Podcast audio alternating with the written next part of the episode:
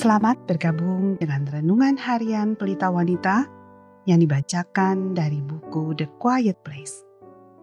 Pembacaan Alkitab hari ini diambil dari Ulangan 10 ayat 12 sampai 22.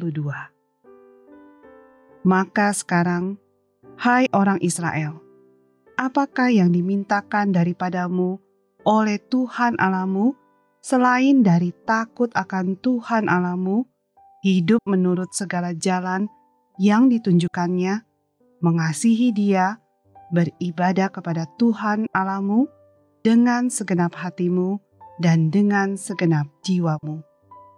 Berpegang pada perintah dan ketetapan Tuhan yang kusampaikan kepadamu pada hari ini, supaya baik keadaanmu.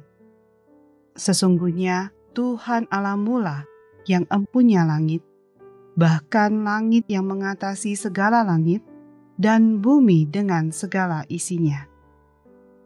Tetapi hanya oleh nenek moyang mula, hati Tuhan terpikat, sehingga ia mengasihi mereka dan keturunan merekalah, yakni kamu yang dipilihnya dari segala bangsa, seperti sekarang ini Sebab itu, sunatlah hatimu dan janganlah lagi kamu tegar tengkuk.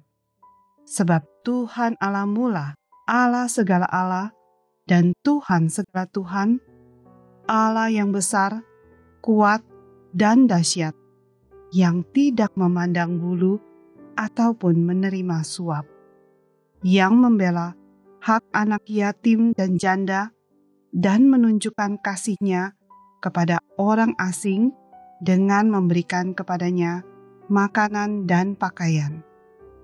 Sebab itu, haruslah kamu menunjukkan kasihmu kepada orang asing, sebab kamu pun dahulu adalah orang asing di tanah Mesir. Engkau harus takut akan Tuhan Alamu, kepadanya haruslah engkau beribadah dan berpaut, dan demi namanya haruslah engkau bersumpah.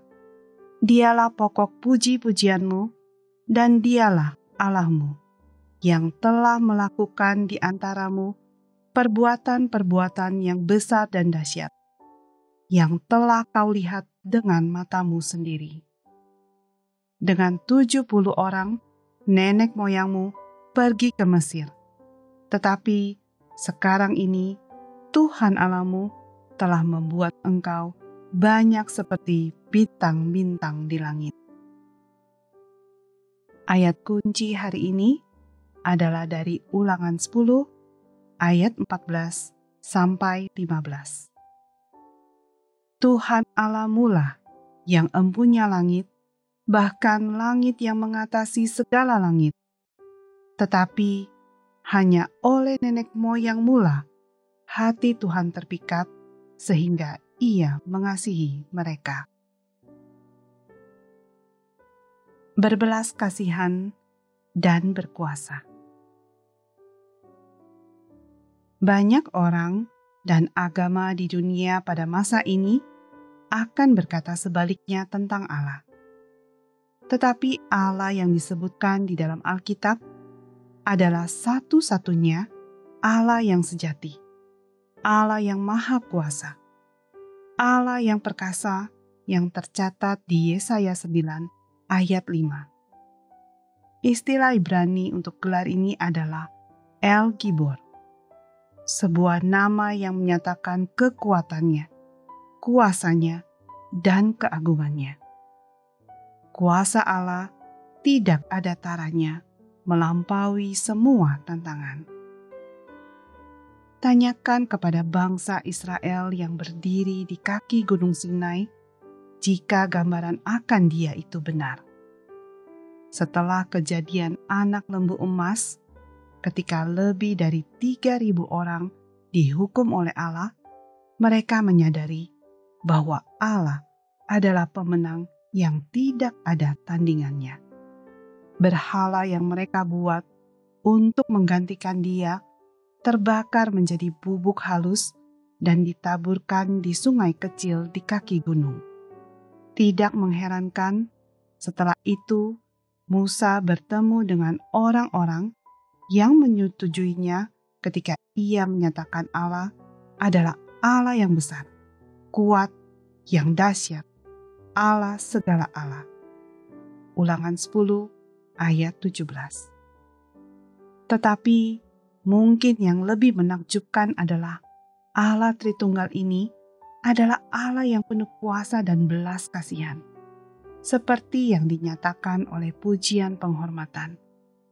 Allah yang sama yang melihat loh batu Tauratnya dipecahkan oleh kemuakan suci Musa, memilih untuk memberikan loh batu yang baru agar umatnya tidak seharusnya hidup tanpa memiliki loh batu itu.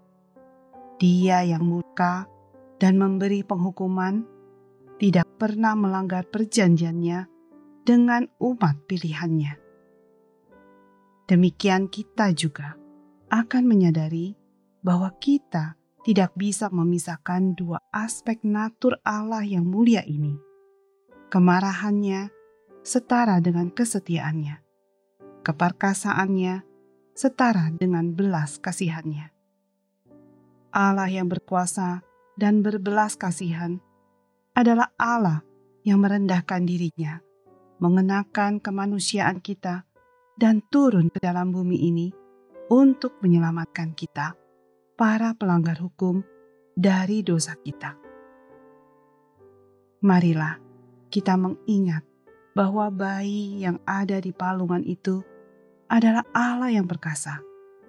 Kiranya kita menyembah dan memuji Dia. Sebagai penutup, mari kita renungkan pertanyaan ini mengapa kita memerlukan Allah yang rahmani dan berkuasa? Bagaimana pengalaman Anda dengan keperkasaannya dan belas kasihannya dalam hidup Anda?